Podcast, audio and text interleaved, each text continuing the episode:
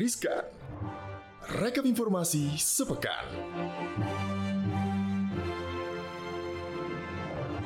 Halo Sobat Cuan, apa kabar? Hai. Ketemu lagi di Riskan Rekap informasi sepekan. Spesial di episode pertama tahun 2022 Yeay, dengan Kak Maria akhirnya yang sudah kembali juga di Riskan. Pastinya ya Dan juga ada Valentina Angel. Hmm. Udah nggak asing lagi mungkin ya di telinga Sobat Cuan. Udah Yes. kenal banget. Nah mudah-mudahan eh, kemarin liburannya seru ya untuk Sobat Cuan. Terus udah mulai lagi atur-atur investasi di awal pekan ini dan Mhm. awal tahun ini gitu ya. Apalagi sekarang ada beberapa yang harus kita perhatikan. Betul, Omikron juga sudah mulai Bener makin banyak nih ya kan di Indonesia aja kasusnya juga uh, terus bertambah. Jadi uh, sobat cuan tetap harus hati-hati, prokesnya tetap harus kencang dan ada kabar baik nih untuk Kabar yang gembira untuk kita semua Booster vaksin mulai 12 Januari Nah, itu dia buat yang mau nambah gitu supaya semakin kebal. Mm-mm. Booster vaksin ini akan mulai disuntikan gitu ya pada bulan Januari ini di tanggal 12 nanti. Hmm, ada dua skema sebenarnya yang disiapkan oleh pemerintah dalam pemberian vaksin booster. Yang pertama, ditanggung pemerintah gratis ya sama seperti vaksin yang sebelumnya bagi masyarakat lanjut usia dan penerima bantuan iuran BPJS Kesehatan. Nah, yang kedua, berbayar nih bagi masyarakat yang memiliki penghasilan tetap. Jadi Tapi- semuanya wajib untuk vaksin berarti ya. Betul, tapi kalau yang untuk mandiri ini Kak, pemerintah sampai saat ini itu belum menetapkan harga vaksin booster bagi pasien mandiri ini berapa Masih gitu. tarik-tarikan kayaknya ya. Benar. Dan kalau kita lihat lagi total masyarakat yang nantinya nih akan mendapatkan vaksin booster Mhm. gratis ada sebanyak 83,1 juta orang dengan Mhm. kebutuhan vaksin itu sebanyak 92,4 juta dosis gitu. Mhm. Ini dibagi-bagi ya, ada Betul. kelompok lansia 21,5 juta orang dan peserta penerima bantuan iuran BPJS Kesehatan non lansia ada 61,6 juta orang.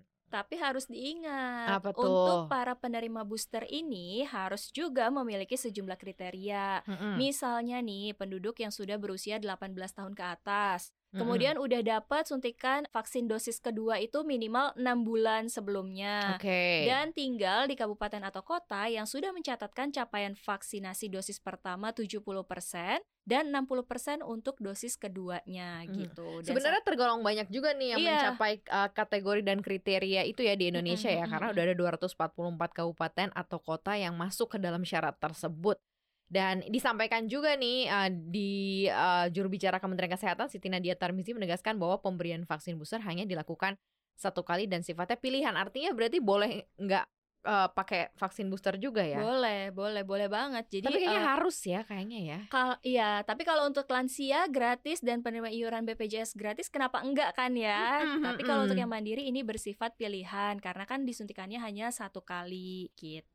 Iya iya iya. iya. Kalau misalnya dari kabupaten kota yang udah memenuhi syarat itu ada Jakarta nggak sih kak? Ada ada ada, Ada tiga ya? nih ya Jakarta, Depok dan Yeay! Bekasi. Selamat warga Jakarta, sobat cuan yang ada di Mm-mm. Jakarta, Depok dan Bekasi ini sudah bisa gitu ya. Tapi bukan berarti prokesnya kendor ya. Betul. Soalnya ya itu varian-varian baru dari COVID-19 ini masih banyak gitu Mm-mm. dan kondisi dari Omicron sendiri di beberapa negara kan juga cukup mengkhawatirkan. Yes. Indonesia aja sebenarnya cukup mengkhawatirkan dengan Mm-mm. uh, jumlah pasien yang terpapar ya khususnya di varian Omicron ini. Tapi jangan sedih, ada kabar gembira kedua. Lagi. Meskipun mengkhawatirkan. Tapi ini bisa dipercaya nggak ini yang ini yang kedua? eh, ayo kita bacain dulu Ya, oke, beritanya oke, ya. oke, oke. Langsung kita bacain aja karena ini WHO atau Organisasi Kesehatan Dunia ini optimistis gitu ya bahwa Hmm. pandemi COVID-19 ini akan berakhir di tahun 2022 ini. Berarti tahun ini harus Tahun ya. ini 12 tuh. bulan ini ya. Betul. Ayo kita semangat untuk Mm-mm, mm-mm, menyelesaikan mm-mm. ini semua gitu ya. Jadi Direktur Jenderal WHO Tedros Adhanom Ghebreyesus ini mengatakan 2021 ini sudah menjadi tahun yang menyakitkan untuk Hmm, semua hmm. orang kan. Jadi berharap di tahun 2022 atau di tahun ini itu harus menjadi akhir dari pandemi COVID-19.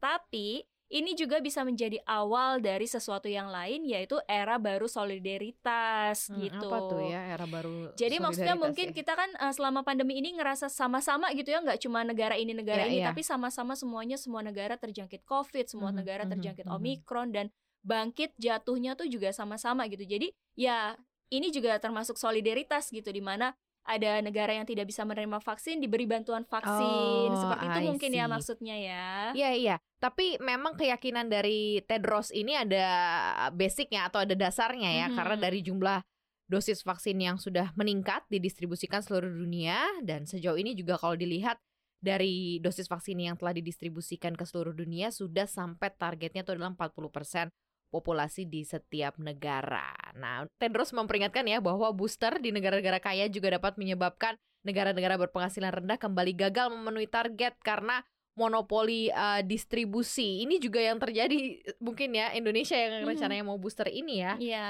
jadi akhirnya nih Tedros tuh meminta para pemimpin negara-negara kaya dan produsen ini untuk bekerja sama supaya Mhm. bisa mencapai 70% vaksin pada bulan Juli mendatang. Kalau udah 70% artinya kan udah bisa Ya, kebentuk ya, herd immunity gitu ya. Benar-benar. Adapun kerjasama pengadaan vaksin COVAX Facility juga udah mengirimkan gitu ya 800 juta lebih vaksin ke negara-negara yang masih memiliki tingkat vaksinasi rendah gitu. Mhm. Ini memang selalu menjadi topik yang paling hot ya kalau diriskan selalu update lagi, update Betul. lagi soal COVID, kemudian juga update lagi, update lagi soal apa ya keyakinan akan eh, berhentinya Selesai. selesainya pandemi.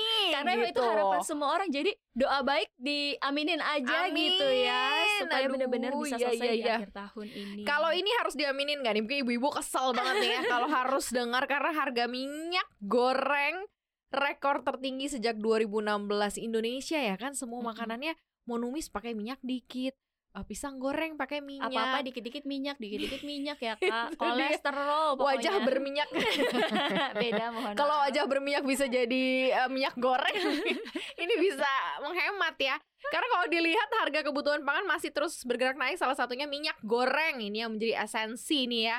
Yang mendapat sorotan langsung juga oleh Pak Jokowi, Presiden Republik Indonesia nih, Jal. Berdasarkan Pusat Informasi Harga Pangan Strategis nih Kak, Mhm. harga rata-rata nasional di pasar tradisional untuk minyak goreng kemasan bermerek satu kalau kita lihat di hari Rabu 5 Januari 2022 Mhm. itu Rp20.950 per, kilogram. Yes. Itu naik Rp200 atau 0,96 persen dibandingkan dari hari sebelumnya. berfluktuasi sekali ya. Fluktuasi. Bahkan nih kalau kita lihat lagi sebulan lalu, harga produk ini itu masih Rp19.650 per Mhm. kilogram. Jadi ada kenaikan sekitar 1.300 atau 6,61 persen. Tapi kalau kita lihat jauh lagi ke belakang Mhm. setahun yang lalu, harganya itu cuma Rp15.150 per kilogram. Jadi Aha. terjadi kenaikannya ini hampir 5.800 atau 32,28 persen. Artinya harga produk ini itu terpantau di posisi tertinggi setidaknya sejak 2016. wow, naiknya sampai 38,28 Ya, persen, bener. gokil ya.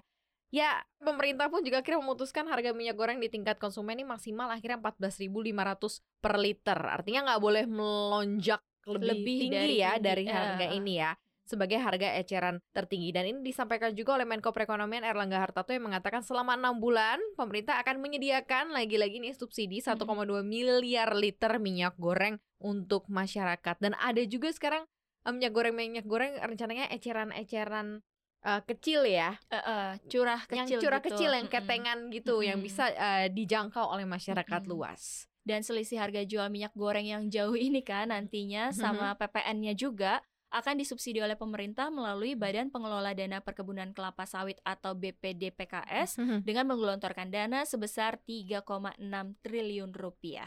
Atau mungkin ada baiknya eh, jangan goreng-gorengan dulu berarti. Bener, jangan goreng-gorengan dulu ya. Supaya- Tapi ini juga sepertinya di luar sana menuai polemik gitu ya. Ah, Karena ada yang bilang kayak gimana nih pemerintah operasi pasar aja nggak cukup nih kayaknya apa segala macam. Nah makanya akhirnya dikeluarkanlah kebijakan Rp14.500 per liter dengan harga eceran tertinggi ini. Iya, gitu. karena mengingat juga beberapa UMKM kita yang berjualan juga menggunakan minyak, minyak, ya. Dan itu esensi juga sih. Jangan sampai ntar pandeminya katanya udah selesai nih ada Mm-mm. lagi terpaan yang lainnya ya, Betul. harga-harga melambung tinggi. Yang Nah. juga esensi nih kak, Mhm. ada yang sekarang udah transformasi kan, Mm-mm. udah menuju ke digital Betul, semuanya gitu ya. KTP kita udah elektronik sih memang. Mm-mm. Nah, tapi Belum mau digital. di- belum digital. Nah, Mau ini rencananya betul KTP digital bisa disimpan di handphone. Gimana sih tuh, Kak? Ini lucu sih. Mm-mm. Maksudnya pas denger beritanya juga kalau disimpan di handphone, ya untuk masyarakat urban yang rata-rata punya handphone. Nah kalau misalnya yang belum, atau mungkin generasi kakek nenek kita, misalnya oma opa Mm-mm. yang nggak mau beralih dari handphone jadul, Hmm. ini gimana gitu ya? Nasibnya kartu fisik juga seperti apa? Tapi kalau dikatakan nih informasinya katanya masih kok masih kartu fisiknya masih digunakan dalam tahap awal implementasi di sistem ini. Dari pihak Dukcapil Kemendagri akan menetapkan dua jalur layanan di tahap tersebut digital dan juga manual seperti biasa lah berjalan beriringan Iya. gitu. Mungkin tujuannya nih mulia sebenarnya kak. Kalau Mm-mm. misalnya bikin KTP kan ada tuh ya kos ongkos, ada Ya. tuh ya eh, buat uang-uang apa pelicin Uh-uh. supaya cepat. Takut di ini apa. ya. IKTP kan dikorupsi kan. Mungkin dengan adanya ini untuk mempersingkat dan menghilangkan itu juga Mm-mm. kali ya. Jadi eh, sejumlah masyarakat Indonesia ini memang masih terkendala untuk bisa menggunakan layanan digital seperti Oma Opa tadi gitu ya, Mm-mm. termasuk yang wilayahnya belum terjangkau dengan sinyal telekomunikasi. Memang kita tahu kan sinyal eh, handphone gitu Mm-mm. kan juga nggak merata di seluruh Indonesia gitu ya.